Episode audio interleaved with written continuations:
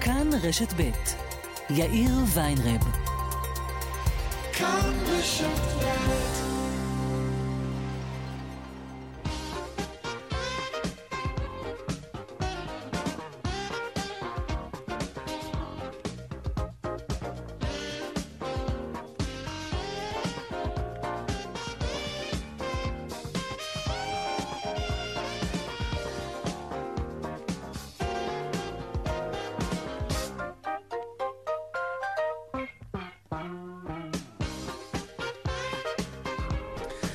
קצת אחרי ארבעה ועוד אה, ארבע דקות, כאן צבע הכסף ברשת ב' יום שני, שלום רב לכם, העורך רונן פולק, בהפקה קובי זרח, טכנאי השידור שלנו אריאל מור, הדועל של צבע הכסף הוא כסף, כרוכית, כאן.org.il, אני יאיר ויינרב, מעכשיו עד חמש אנחנו מיד מתחילים.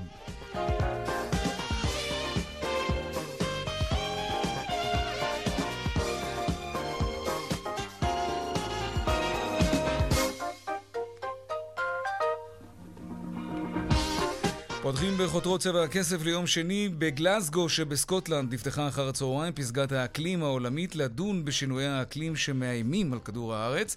אל הכינוס באו יותר מ-130 מנהיגים מהעולם. ראש הממשלה בנט ינאם בעוד כחצי שעה בערך. בהמשך התוכנית אנחנו נביא כאן בשידור ישיר קטעים בנאומו של ראש הממשלה בוועידה. כלכלה, יממה לאחר אה, הצגת תוכנית הדיור הממשלתית בענף הנדל"ן מותחים ביקורת חריפה על חלקים מהתוכנית הזאת. היא לא בטוח תביא לירידת מחירים. מדובר בהעלאת מס הרכישה למשקיעים למשל, ועל האיסור על השכרת דירות Airbnb, והחשש שיתפתח שוק שחור של השכרה. אנשים פשוט יזכירו את הנכסים שלהם מתחת לשולחן. המדינה לא תדע, אף אחד לא ידע מזה. וקופת המדינה תפסיד מזה כסף. כן. אחרי סיום מתווה החל"ת, עוד ירידה בשיעור האבטלה במחצית הראשונה של חודש אוקטובר. שלום דנה ירקצי, כתבת uh, התחום הכלכלי שלנו. את עם הנתונים של הלשכה המרכזית לסטטיסטיקה. דנה, שלום. כן, שלום יאיר. ירידה בשיעור האבטלה במחצית הראשונה של חודש אוקטובר. שיעור המועסקים במשק ירד במחצית הראשונה של החודש הזה, כך לפי סקר של הלמ"ס. הוא ירד, שיעור האבטלה הרחב ירד ועמד על 7% והעשירית. לעומת 7 אחוזים ו-9 עשיריות האחוז במחצית השנייה של ספטמבר 2021. שיעור האבטלה הצר, שכולל אנשים שנעדרו באופן זמני מעבודתם בגלל הקורונה והבלתי מאוס... מועסקים, mm-hmm. ירד ל-5 אחוזים ו-6 עשיריות, כלומר 217 אלף אנשים לעומת 6 אחוזים וחצי במחצית השנייה של ספטמבר. מדובר ב-240 אלף אנשים, כלומר יש פה ירידה ממש, אה, ירידה חדה החודש הזה, אבל כמו שראינו בחודשים קודמים, יש מעין אקורדיון בכל פעם. אה, אה, השיעור האבטלה עולה ויורד, אנחנו עדיין לא רואים מגמה יציבה, בין אם זה ירידה או עלייה, בכל פעם אנחנו רואים נתונים אחרים, הפעם אנחנו רואים ממש ירידה חדה בשיעור האבטלה. דנה ירקצי, כתבתנו הכלכלית, תודה רבה על העדכון הזה. ועכשיו ליומו הראשון של מתווה התיירות הנכנסת. זה סוף סוף קרה, אחרי כמעט שנתיים נכנסה קבוצת תיירים ראשונה מארצות הברית לארץ. שלום שרון עידן, כתבנו לענייני תיירות בשדה התעופה. הבאנו שלום, שלום עליכם. כן, תראה, האמת היא שמצד אחד שלום עליכם והרבה התרגשות, מצד שני, תראה, גם לא מעט ביקורת על כך שבמתווה הזה העיר יש לא מעט, נאמר, חורים שלטענת אה, מי שעוסקים בתחום התיירות יגרמו לזה שלא יותר מדי תיירים יגיעו. בין היתר מדברים על כך שכמו שאתה יודע נדרשות שלוש מנות חיסון, זה כמעט לא קיים, או שתי מנות עם אה, תוקף של פחות מחצי שנה, גם זה כמעט לא קיים. כלומר, רוב אירופה וארצות הברית התחסנה אי שם אה, בחודש אה, מרץ-אפריל, ולכן הם כבר לא בתוקף. אבל כן, מתחילים לראות משהו, זה טפטוף, היום הגיעו כמה מאות. השאיפה היא שככל שיראו, גם במשרד הבריאות, שאולי השד לא נורא כל כך, והנה אולי לא מגיעים וריאנטים דווקא מתוך אותם תיירים, העסק הזה יורחב, ונזכיר גם לסיום, כרגע אנחנו אחת המדינות היחידות העיר בעולם בלי ילדים. כלומר, ברוב המדינות בעולם הילדים יכולים לבוא עם בדיקת PCR שלילית ביחד עם ההורים המחוסנים. בישראל זה לא קורה, עוד איזשהו בלם משמעותי לזה שהתיירות כנראה קשה מאוד להתרחב פה, נכון. תודה רבה, שרון עידן. גל ההתייקרויות במשק, האם כוס הקפה שלנו היא הבאה בתור בגל ההתייקרויות? הלילה נכנס לתוקפו המס על הכלים החד-פעמיים, גם כוסות הנייר נכללות במס החדש. המשמעות היא שאולי אנחנו נשלם על כך בביקור הבא שלנו בבית הקפה. נעסוק גם בזה. ועוד בצבע הכסף בהמשך, לא הספקנו אתמול, נשתדל מאוד היום לדבר על טכנולוגיות חכמות, על בינה מלאכותית. שמאפשרת להתמודד עם מכת הפקקים בכבישים. כן, יש חברה ישראלית שטוענת שהיא הצליחה לעשות את זה באיזושהי... באיזשהו צומת עמוס, כן. והדיון בשוקי הכספים כרגיל לקראת סוף השעה. אלה הכותרות, כאן צבע הכסף, אנחנו מיד ממשיכים.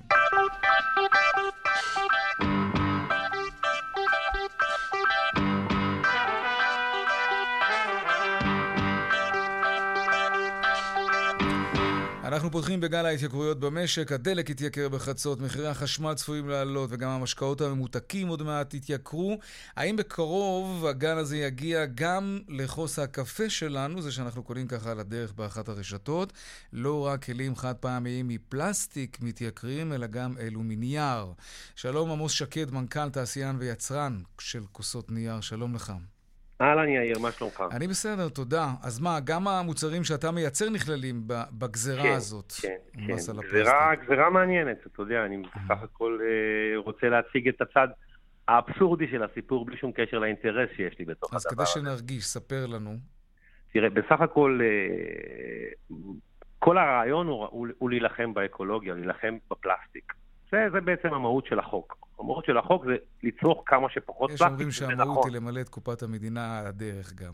אה, ככה זה... אולי הפוך אפילו. ככה מתפרש קודם החוק. כל, אוקיי? כן, אוקיי. ככה מתפרש החוק. אבל בסוף החוק, בבסיס שלו הוא חוק של איכות הסביבה, על פי סקר גדול שעשו, ובסך הכל באמת צריכת הפלסטיק היא צריכה דרמטית גם במדינת מממ-הממ. ישראל.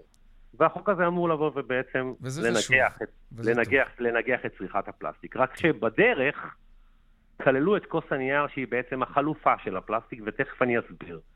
אם בכוס פלסטיק יש 100% פלסטיק, בכוס נייר יש רק 6% פלסטיק. זאת אומרת, טונה כוסות פלסטיק שוקלים טונה פלסטיק. כן, האמת, האמת שלא נייר, ידעתי שיש בכוסות נייר כן. גם פלסטיק, אוקיי. יש השכבה הפנימית, הציפוי הפנימי, ציפוי מאוד מאוד מאוד דק, של 18 מיקרון, הוא מפלסטיק. זאת אומרת שאם נזרוק את הכוס ביער, הנייר ייעלם ויישאר רק ה-18 מיקרון פלסטיק. אבל לענייננו, אם טונה כוס פלסטיק יש בטונה פלסטיק, בטונה כוס נייר יש רק 6% פלסטיק, 60 קילו. והחוק הזה הוא חוק מקביל לחוק באירופה. אני הייתי במילאנו, עכשיו שתיתי כוס בירה בכוס נייר, כן. כי אין יותר פלסטיק. אם נעבור לכוסות נייר, שיהיו בשווה ערך לכוסות פלסטיק, כי המס גבר על, גבר על הכוס פלסטיק, אנחנו ננצח את הפלסטיק ב-95%, מה שלא החילו בחוק, והחליטו להחיל את החוק גם על כוסות הנייר. גם על כוסות הנייר. איך זה יבוא לידי ביטוי במחירים שאתה צריך עכשיו לגבות מהלקוחות שלך? תראה, אנחנו היום בבוקר מחייבים ב-100% מס על כל, על כל הכוסות נייר שאנחנו מוכרים, לכל רשתות הקפה, לכל, לכל מי שקונה בעצם, שזה בעצם הלקוחות שלנו, אוקיי? Mm-hmm. Okay? אני יכול להגיד לך משיחות אה, קשות בימים האחרונים עם כל בעלי רשתות הקפה, כן. חד משמעית, מעבר לזה שהם ספגו עלייה דרמטית במחירי הקפה, שהם מנסים להחזיק את הראש מעל המים, את העלייה הזאת הם לא יוכלו, לא יוכלו לא, כבר להכין. אתה, אתה צופה שהם יגלגלו את זה ללקוחות. אני לא צופה, אני יודע. אני יודע שזה רק עניין של זמן עד, ש... ש... עד שכוס הקפה תתייקר לפחות בשקט. אתה שמעת מבעלי רשתות שאומרים לא... 아, אני, לא, אני, לא, אני לא אתן שמות, אבל אל כן. אל תיתן שמות, כלומר, תיתן, אני אשמח אם תיתן, אבל בהנחה שאתה לא תיתן, כי אתה שומר על הדיסקרטיות של הלקוחות שלך, אני רק רוצה להבין, אתה שמעת מהם שזה מה שהם אומרים, אנחנו עכשיו עומדים לייקר את מחיר כוס הקפה. אני מדבר כל היום עם אה, שחקני קפה, בתי קפה קטנים, רשתות בתי קפה, אין להם שום דרך לשרוד את הדבר הזה. הם לא מזמן חוו עלייה דרמטית בכל המגוון, אוקיי? ובטח בקפה עצמו. את הכוס קפה ממצב של 30-35 אגורות שתעלה להם מחר, הם לא יכולים לספוג. טוב, אנחנו ננסה ליצור קשר עם הבעלים של, אחד הבעלים של רשתות הקפה ולשאול אותם באמת האם הם מתכוונים לספוג כן, את כן. זה או לא, כמו שאתה אומר. עמוס שקד, מנכ"ל, תעשיין ויצרן כוסות נייר, תודה רבה תודה. לך. תודה. תודה רבה לכם. להתראות. טוב, אנחנו ממשיכים uh, בעניין הזה, uh, כן, של כוסות חד פעמיים, בערך פי שניים. זה מה שמשלמים מהיום על כלים uh, חד פעמיים. אנחנו נרצה עכשיו לדבר עם בעלים של חנות, ש- שזה בעצם העסק שלהם. הם מתפרנסים בחנות הזאת ממכירה של כוסות חד פעמיות. ואנחנו רוצים להגיד שלום ל... כן, טוב, אנחנו נעשה איזשהו דילוג קטן, ואחר כך נחזור לדבר עם ערן זליק, שהוא בעלים של חנות שמוכר אה, כלים חד פעמיים. נגיד שלום לך, יוסי פישר, מומחה תעופה ותיירות. אחר צהריים טובים לך ולמאזינים. החלטת הממשלה לאסור השכרת דירות בשיטת Airbnb אה, מעוררת הרבה מאוד שאלות. מצד אחד, המשמעות היא שחרור של 13,000 דירות כאלה, כך אומרים בממשלה, רק באזור תל אביב. דירות שהבעלים שלהם ייאלצו למכור אותם, אבל היי, יש פה עוד כמה דברים שצריך לחשוב עליהם. על מה לא חשבו בממשלה רגע לפני שקיבלו את ההחלטה הזאת, יוסי פישר? אז, אז אה, כמו שאתה יודע, אני כתבתי על זה היום טור בחדשות כן. תיירות, ואני, ואני, הכותרת היא יד ימין לא יודעת מה יד שמאל עושה. מצד אחד פותחים, אה, פותחים את השמיים של ישראל אה, לתיירות נכנסת.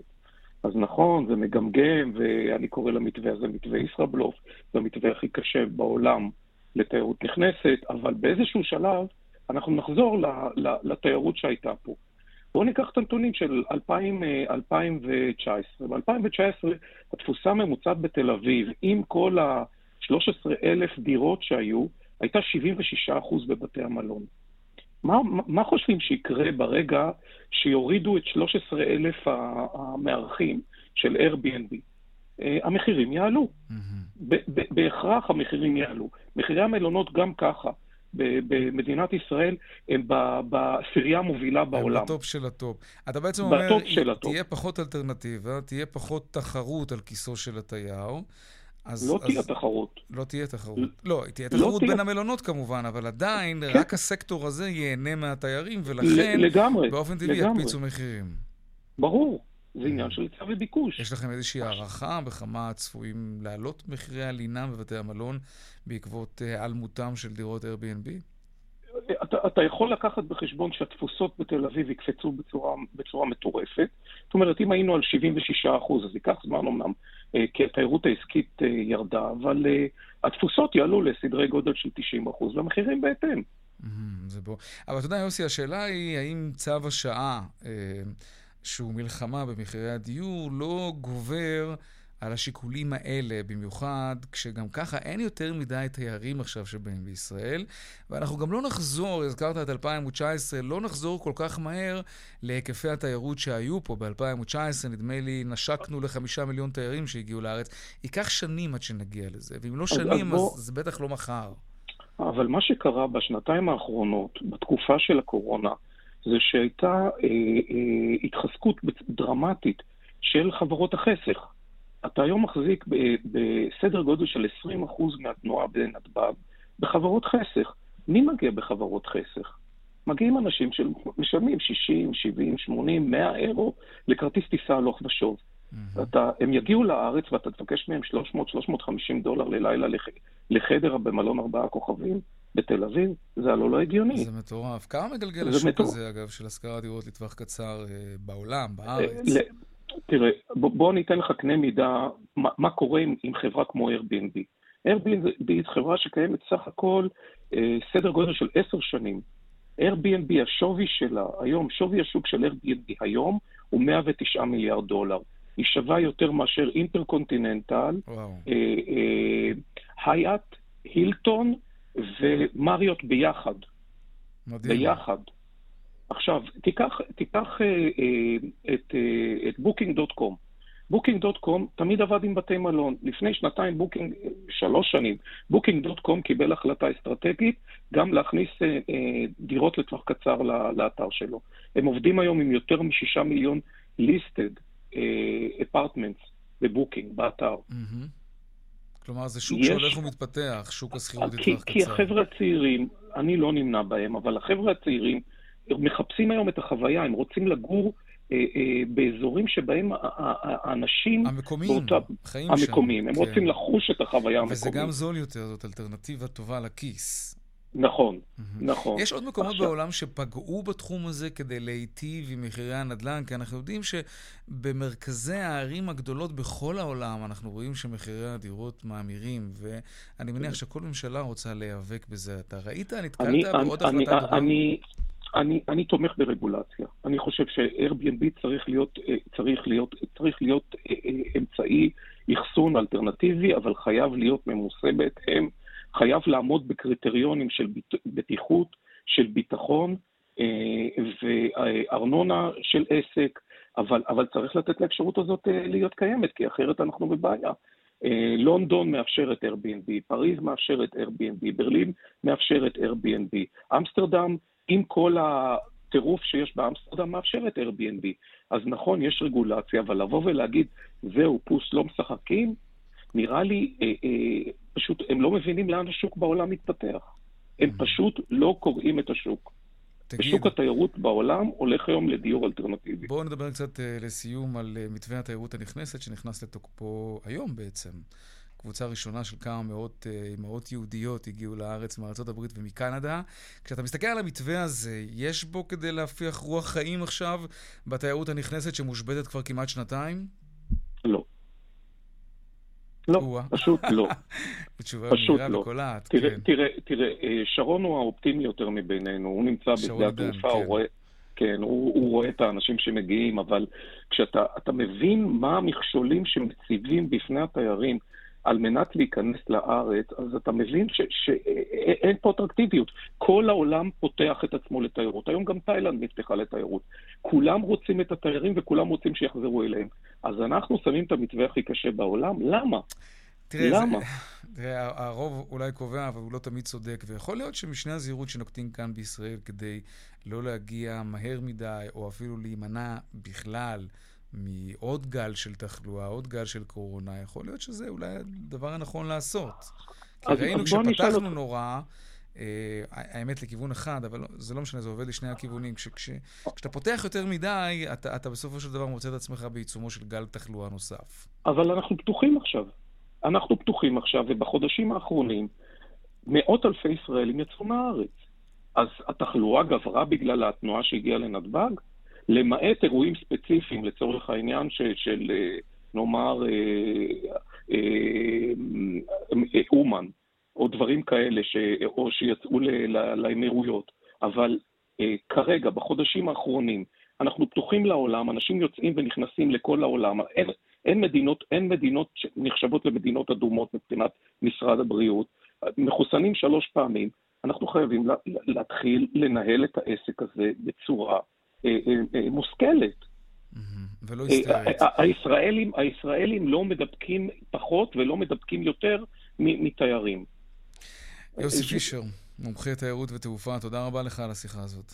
תודה רבה. דיווחי תנועה עכשיו. דרך 65 מזרחה עמוסה ממחלף עירון עד ערה, ובהמשך מדוברת עד אלון תבור. איילון צפונה עמוסה ממחלף חולון עד השלום ודרומה, ממחלף רוקח עד לגוארדיה, בדרך 6 צפונה יש עומס מנשרים עד בן שמן ובדרך 41 מזרחה עמוס מניר גלים עד מחלף אשדוד בגלל משאית שתקועה שם. עדכוני תנועה נוספים בכאן מוקד התנועה, כוכבי 9550 ובאתר שלנו, אתר התאגיד אתר כאן, הפסקת פרסומות קצרה ומיד אנחנו חוזרים עם עוד צבע הכסף. ארבע ועוד 25 דקות כמעט. עכשיו, אה, למהלך של הממשלה להעלות מס רכישה למשקיעים ל-8%. זה נועד לייקר בעבורם את רכישת הדירה ולצמצם ככה אולי את הנוכחות שלהם בשוק הנדל"ן, מתוך איזושהי תפיסה שהם קונים דירות שמיועדות לזוגות צעירים. וגם כך אין מספיק דירות לכולם. שלום אמיר רוזנבלום, יועץ אה, ניהול והחזקות מבנים ויושב ראש ובעלים של עידן שני, שלום לך.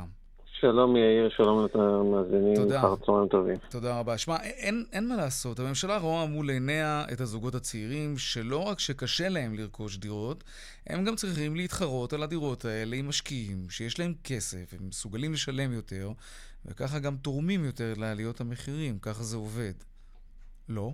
תשמע, קודם כל, אה, אין מה לעשות, אנחנו בעידן שני, אנחנו כן עובדים עם המון משקיעים, אנחנו חושבים שהם תורמים דווקא למשק ולתנועה הנכונה, ובאמירת צד אני גם אבוא ואני אגיד שהיום כמעט כל אחד כבר נקרא משקיע, גם הצעירים אה, בסוף הולכים ומשקיעים וקונים עוד דירה, כולם מאמינים שנדל"ן זה טוב. אני לא חושב שה... משקולות ששמים כל פעם בכותרות, ואחר כך מחפשים לראות איך, איך, איך מביאים את זה לידי uh, ביטוי בפועל, הם כתפי המשקיעים, אוקיי? יעלו את מס הרכישה, ראינו את זה כבר בפעם הקודמת, יוצר איזה בהלה בשוק, יותר דירות נמכרות. אני באמת לא חושב שזה ייתן פתרון, אה, וזה הליבה של התוכנית דיור הממשלתית. אני יכול להגיד מאידך, למשל, הנושא של הפיצול דווקא מבורך. אם זה יהיה בדירות, אה, בבתים פרטיים, בהחלט יכול לתת מענה נכון. רגע, אבל לפני הפיצול, בד... בואו כן. נתמקד רגע במשקיעים. אה, צריך לזכור, קודם כל אתה מדבר מפוזיציה, וזה לגמרי לגיטימי, נכון. אתם מתפרנסים מזה. אבל לגופו של עניין, רק כדי להבין, כי אם מדובר כאן באמת באיזשהו פלח באוכלוסייה שעושים עליו עליהום, וסתם מכפישים את שמו, אז, אז אולי זה באמת לא בסדר, אבל הגיונית, זה כן יראה לי, או, או להרבה מאוד אחרים. כי אם הנוכחות שלהם בשוק הנדל"ן קיימת בשיעור כזה, שבו הם תופסים אה, דירות שאולי אמורות להוות איזשהו היצע לזוגות צעירים שמתקשים לקנות דירה. וגם הם מוכנים אולי לשלם אפילו מעט יותר, מה שגורם לעליות המחירים. אז מה יותר טבעי? אתה יודע, אולי לפחות בנקודת הזמן הזו, להרגיע קצת את המשקיעים, להגיד להם, תחפשו מקום אחר לשים את הכסף. אני מודה, אין כל כך איפה לשים כסף. אבל בכל זאת, כדי לצנן את שוק הנדל"ן, יכול להיות שצריך קצת לדחוק אותם. פעם שעברה שעשו את זה, אגב, זה עבד. הם, הם קצת גורשו מן העיר, ככה בלשון ציורית. אז קודם כל בואו נתחיל מנקודת המוצא הראשונה, שמשקיעים לא קונים בקצת יותר, אלא להפך מחפשים תמיד למשוך את המחיר למטה. גם השקל שלהם, כל שקל הוא יקר, והם לא מוותרים בכלל. שתיים, אני חושב שהמשקיעים בסופו של דבר חשובים מאוד לכלכלת ישראל. חלק מהמשקיעים שקונים, אנחנו לא מדברים בכלל על, על, אה, משקיעים גדולים, חברות ריט וכדומה שקונים נגיד סטוקים, הם מוציאים את זה בחוץ, החוצה בסופו של דבר לקהל הרחב, הם רק תורמים והם עוזרים. אני לא חושב שהם, אתה יודע, בוא ניקח נקודת מצב. לא, זה יקרה, יפעילו לחצים על המשקיעים, הם יבינו שלא כדאי להשקיע יותר במדינת ישראל, והם ילכו לאן? ילכו בסופו של דבר עוד פעם להשקעות בחו"ל. מה יקרה פה בארץ? זה ישפר את המצב, תמונת המצב תשתנה, לאנשים שקשה לקנות דירה יהיה יותר קל לקנות דירה, בגלל זה אני לא רואה את הקשר בין דברים, ממש לא רואה את הקשר, אני להפך חושב.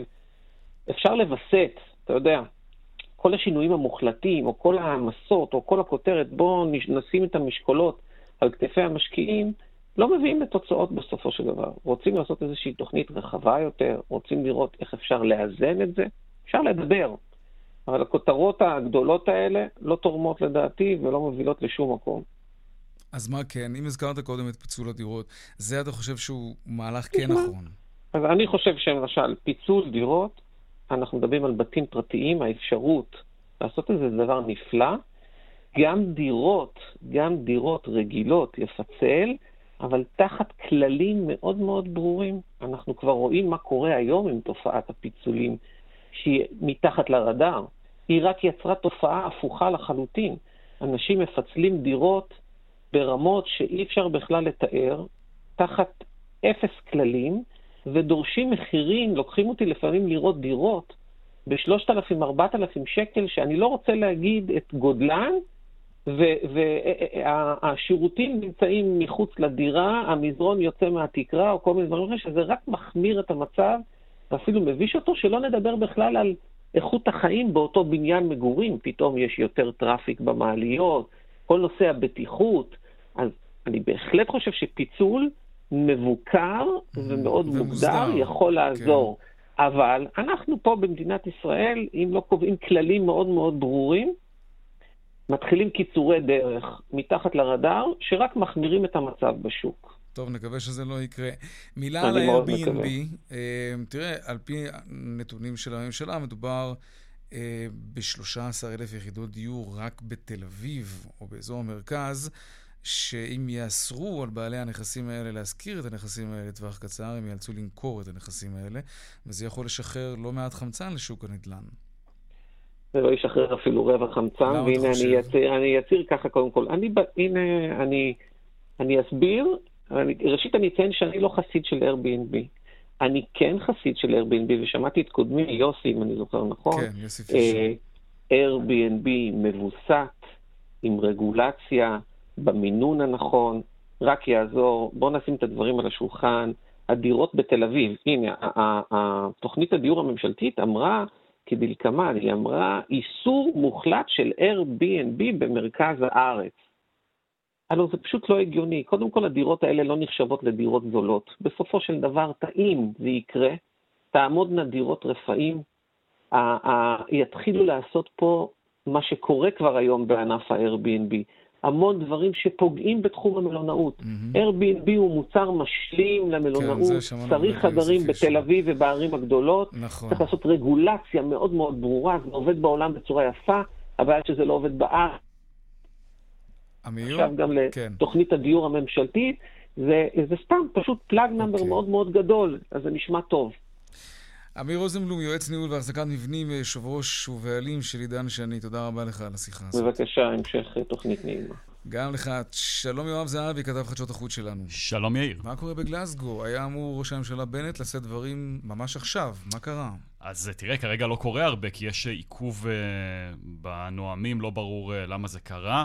תקצבו אותם שם, נכון? כל אחד קיבל כמה דקות, הם אמורים להיות... שלוש דקות לכל מנהיג, אנחנו מדברים כן. גם על נשיאים וגם על ראשי ממשלות. כל אחת מהמדינות שלחה חלק שלחו נשיאים, חלק ראשי ממשלות, אבל אה, כל האירוע הזה בעצם התעכב, גם טקס הפתיחה שאמור היה להתחיל בשתיים בצהריים, שעוננו התאחר ב-25 דקות. עכשיו גם הנאומים שהיו אמורים לצאת לדרך לקראת השעה 4 שעוננו מתעכבים, אז כולנו ממתינים לבנט כאן בישראל. בעולם אני חושב שממתינים קצת יותר לנשיא ארצות הברית אה, ג'ו ביידן, שהגיע לשם עם ג'ון קרי, שהוא השליח המיוחד לענייני האקלים שלו, וגם עם... ופעיל סביבתי. ופעיל סביבתי, כן, וגם שר החוץ שלו, אנטוני בלינקן. תראה, שמענו קודם את הדברים אה, בטקס הפתיחה. אה, בעצם הנואם הראשון היה ראש ממשלת בריטניה, בוריס ג'ונסון, הוא נשא נאום מאוד כריזמטי, צריך להגיד. השתמש בלא מעט הומור. והביע הרבה אופטימיות בנוגע ליכולת של האנושות כן לפתור את המשבר הזה. הוא אמר, יש לנו את הטכנולוגיות, הוא קרא למדינות המפותחות אה, לקחת אחריות, לקבל אחריות על שאר העולם ולהשתמש בטכנולוגיות שיש להם כדי uh, לנסות, uh, למעשה לא לפתור את המשבר הזה, אלא להגיע למצב שבו אנחנו לא עוברים את ההתחממות של מעלה וחצי, שזה היעד שהציבו לעצמן מדינות העולם בהסכם פריז שנחתם באמצע העשור הקודם. בין לבין, בטקס הפתיחה ראינו קטעים של... Uh, של אנשים שחיים באיים, שמצויים למעשה בסכנה הכי גדולה כרגע, שהמדינות שלהם פשוט ייעלמו. ראינו נציגים גם מהאיים הקריביים, גם מאי האוקיינוס השקט, שדיברו שוב ושוב על הסכנה של עליית פני הים, שאם כן. העולם לא יצליח למנוע את ההתחממות הזו, המדינות שבהן הם חיים פשוט ייעלמו מעל פני האדמה. אה, ראינו נאום מאוד מאוד פסימי של אה, מזכ"ל האו"ם אנטוניו גוטרש. שבניגוד לג'ונסון אמר, אנחנו כבר עכשיו כורים לעצמנו את הקבר. ועם כל הדברים היפים וכל הכותרות שיש סביב הוועידה הזאת, אם אנחנו תגיד. מסתכלים קדימה, אנחנו הולכים לכיוון של אסון אקלימי. אגב, בעניין הכלכלי נדגיש, כי כן. זו בכל זאת תוכנית כלכלית, כולם קראו כל הזמן לשלב יותר ויותר ויותר את השוק הפרטי בניסיון לפתור את המשבר הזה או לתת לו סוג של מענה. אה, זה גם מה שצפוי בנט להגיד בנאום שלו, הוא ידבר על הטכנולוגיה הישראלית. יואב, העובדה שסין, המתועסת עד מאוד, כן, הפולטת מספר אחת בעולם של... מספר אחת של פולטת של, של גזי חממה. העובדה שהם לא נמצאים בוועידה הזאת, אה, האם, סליחה על הבוטות, האם זה לא מייתר את כל החגיגה, אה, במרכאות?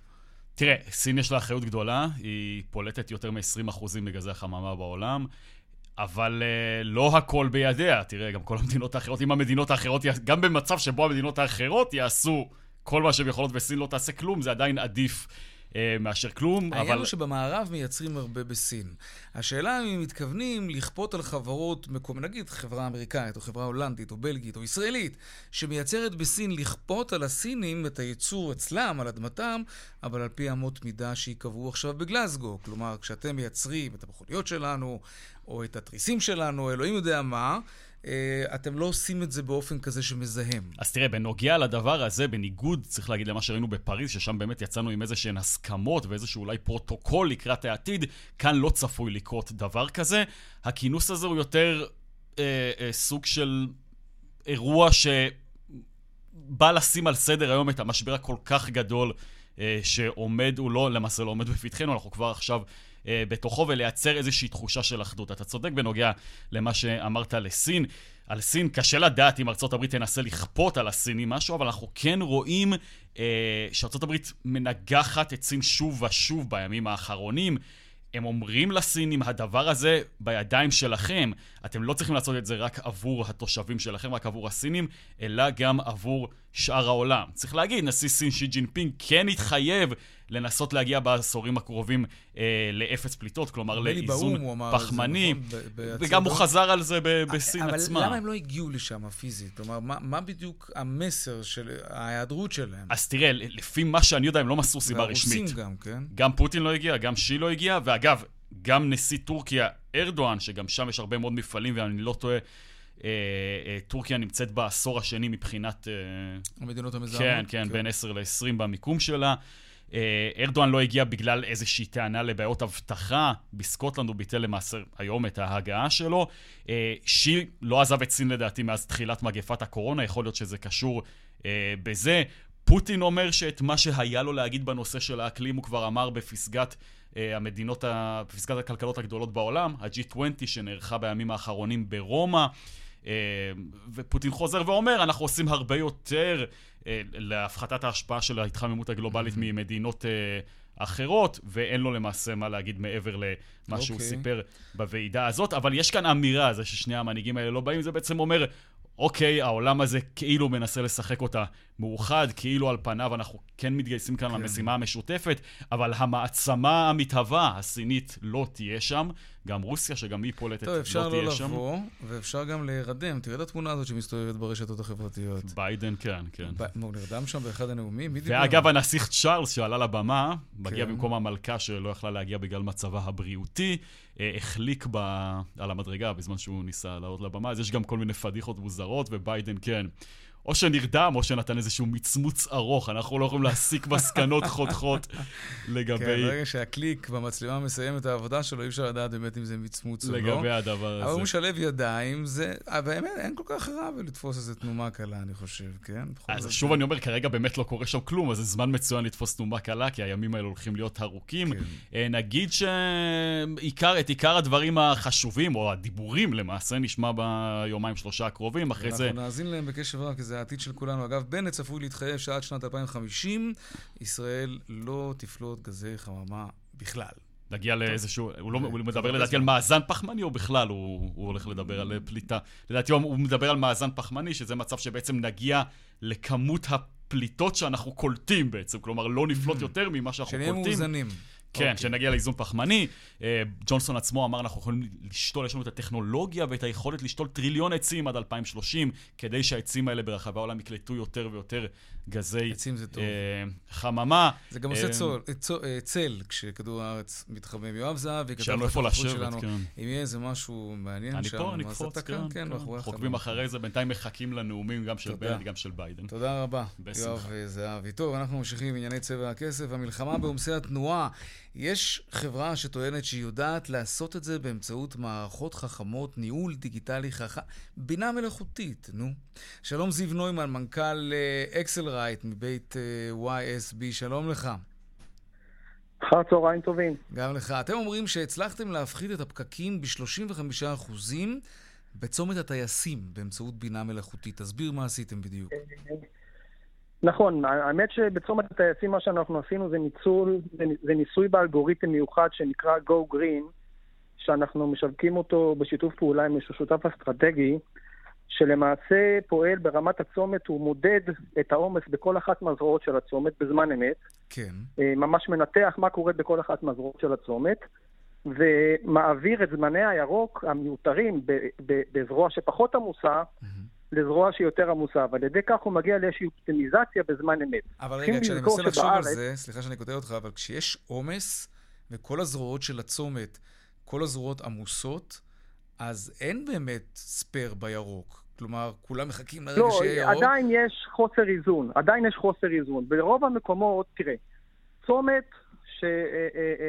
שעמוס בצורה שכל הזרועות עמוסות, אה, אין איזשהו קסם שיכול להגיד שעכשיו הוא לא יהיה עמוס לחלוטין. אבל בדרך כלל, אם יש זרוע אחת שאתה יכול לחכות שבעה או שמונה מחזורים, וזרוע אחת שאתה מחכה שני מחזורים, אה, אה, בנוסף, אם אתה גם מגדיר מהי זרוע שהיא יותר חשובה במערך התנועה, כי היא מובילה לכביש ראשי, או לאיזשהו נתיב שאתה מחשיב אותו כנתיב mm-hmm. חשוב, okay. אוקיי. אתה יודע מראש לבוא ולאמוד את העומס שקיים באותו רגע בצומת, ולמעשה לנתב אותו בצורה נכונה שלומדת את המצב בזמן אמת, וכל פעם מזיזה זמנים מסוימים מתוך הירוק בתוך תוכנית התנועה לזרועות שאתה אה, אה, רואה שהן עמוסות יותר, מזרועות שעמוסות פחות לזרועות שעמוסות יותר. אנחנו בצומת הטייסים, שהצומת הזה הוא צומת בעייתי וידוע בתל אביב, הצלחנו לשפר בין 20 ל-40 אחוז את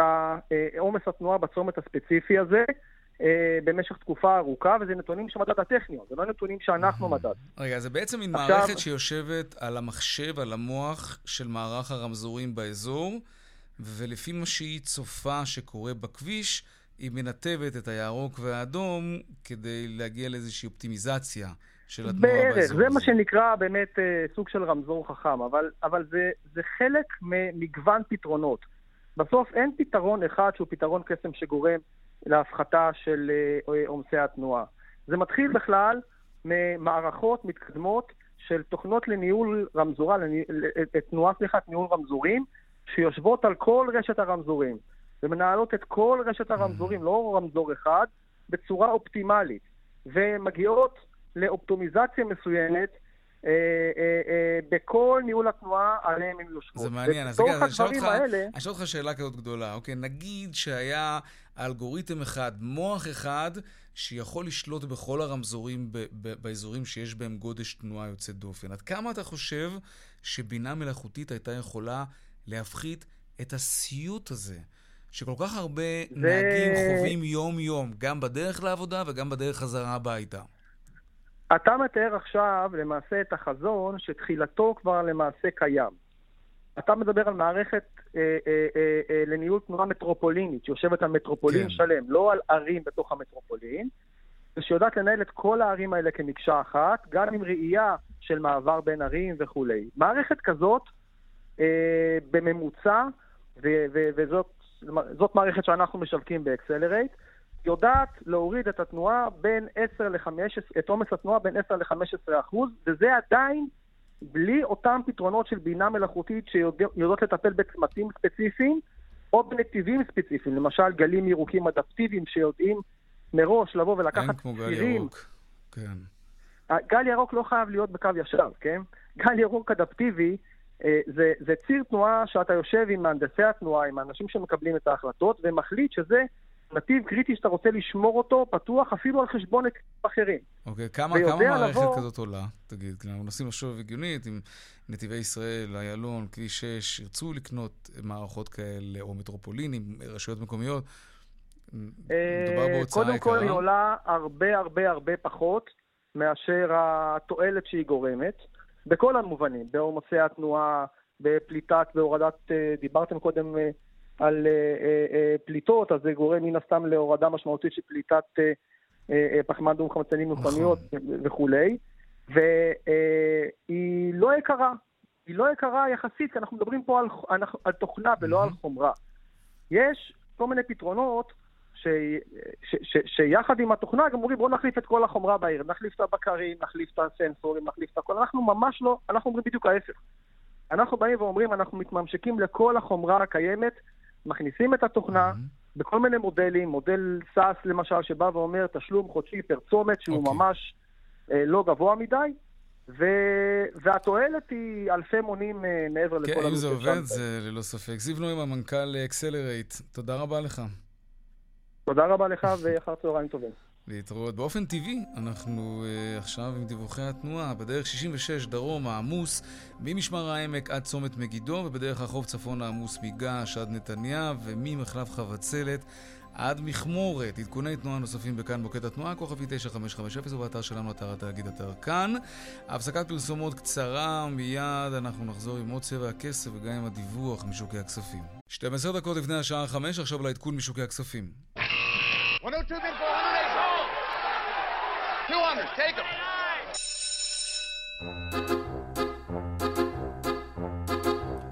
שלום רואה החשבון אמיר יעל, יושב ראש אינפיניטי.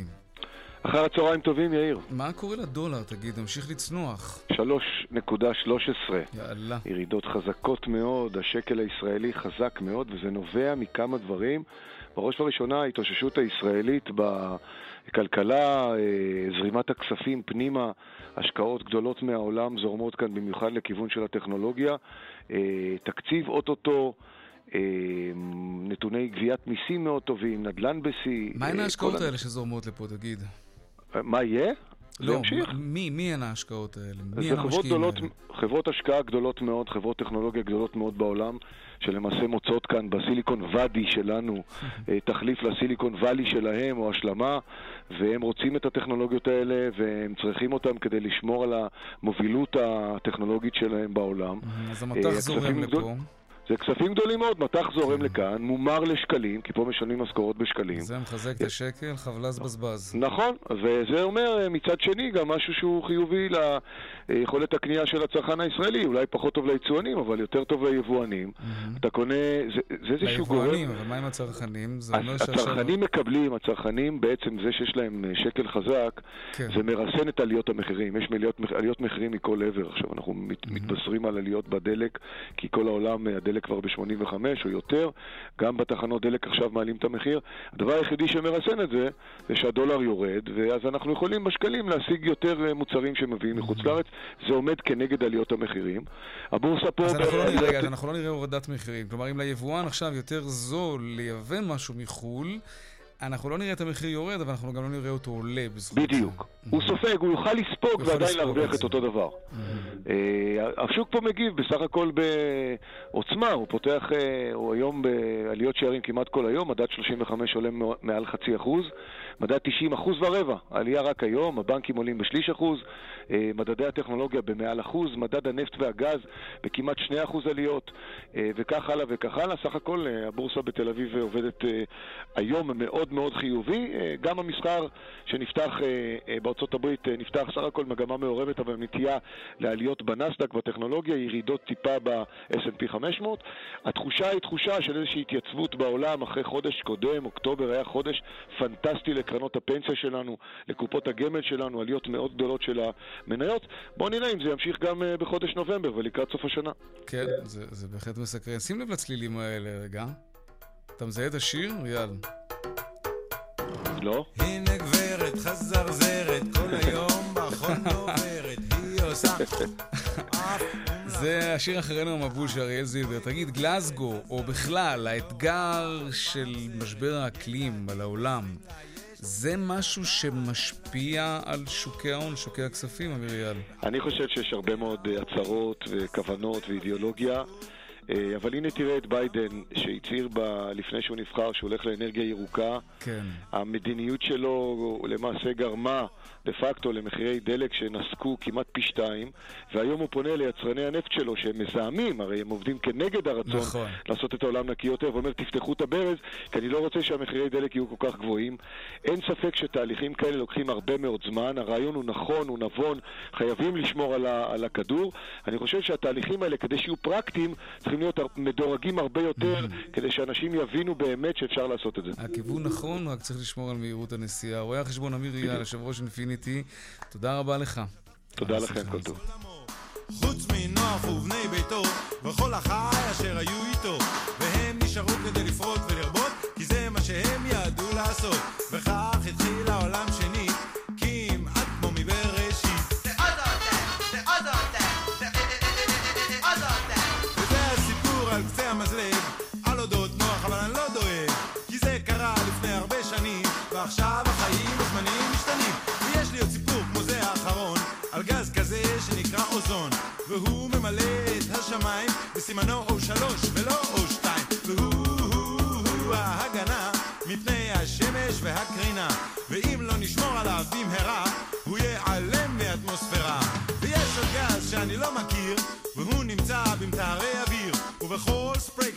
שאומרים באנגלית ומי שלא משתמש בזה שיקום ויגיד וכשהכסף משתחרר הוא עולה לשמיים אוכל ונוגס מן האוזון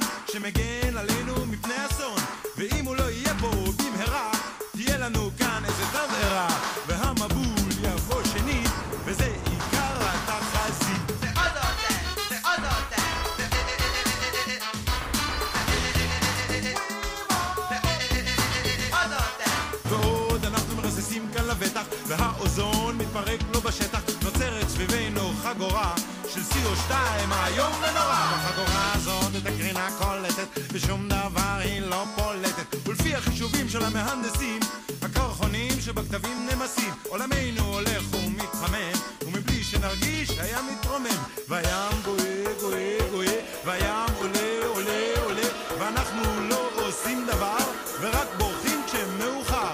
ופתאום הים יפרוץ לכל עבר, יגיע לגובה של 50 מטר,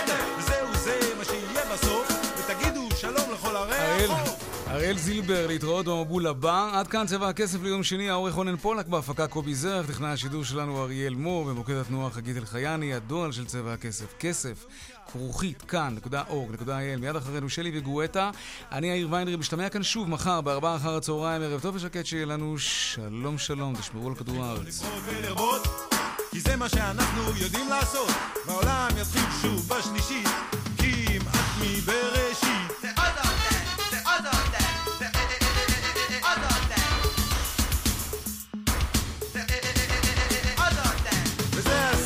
ערי החוף, שלא יישאר מהן כלום בסוף. ועל אודות המבול ונוח, דברים כאלה אי אפשר לשכוח. ויש לי עוד סיפורים מהערב השכם, אבל פה צריך אולי לסיים, להגיד שלום ותודה רבה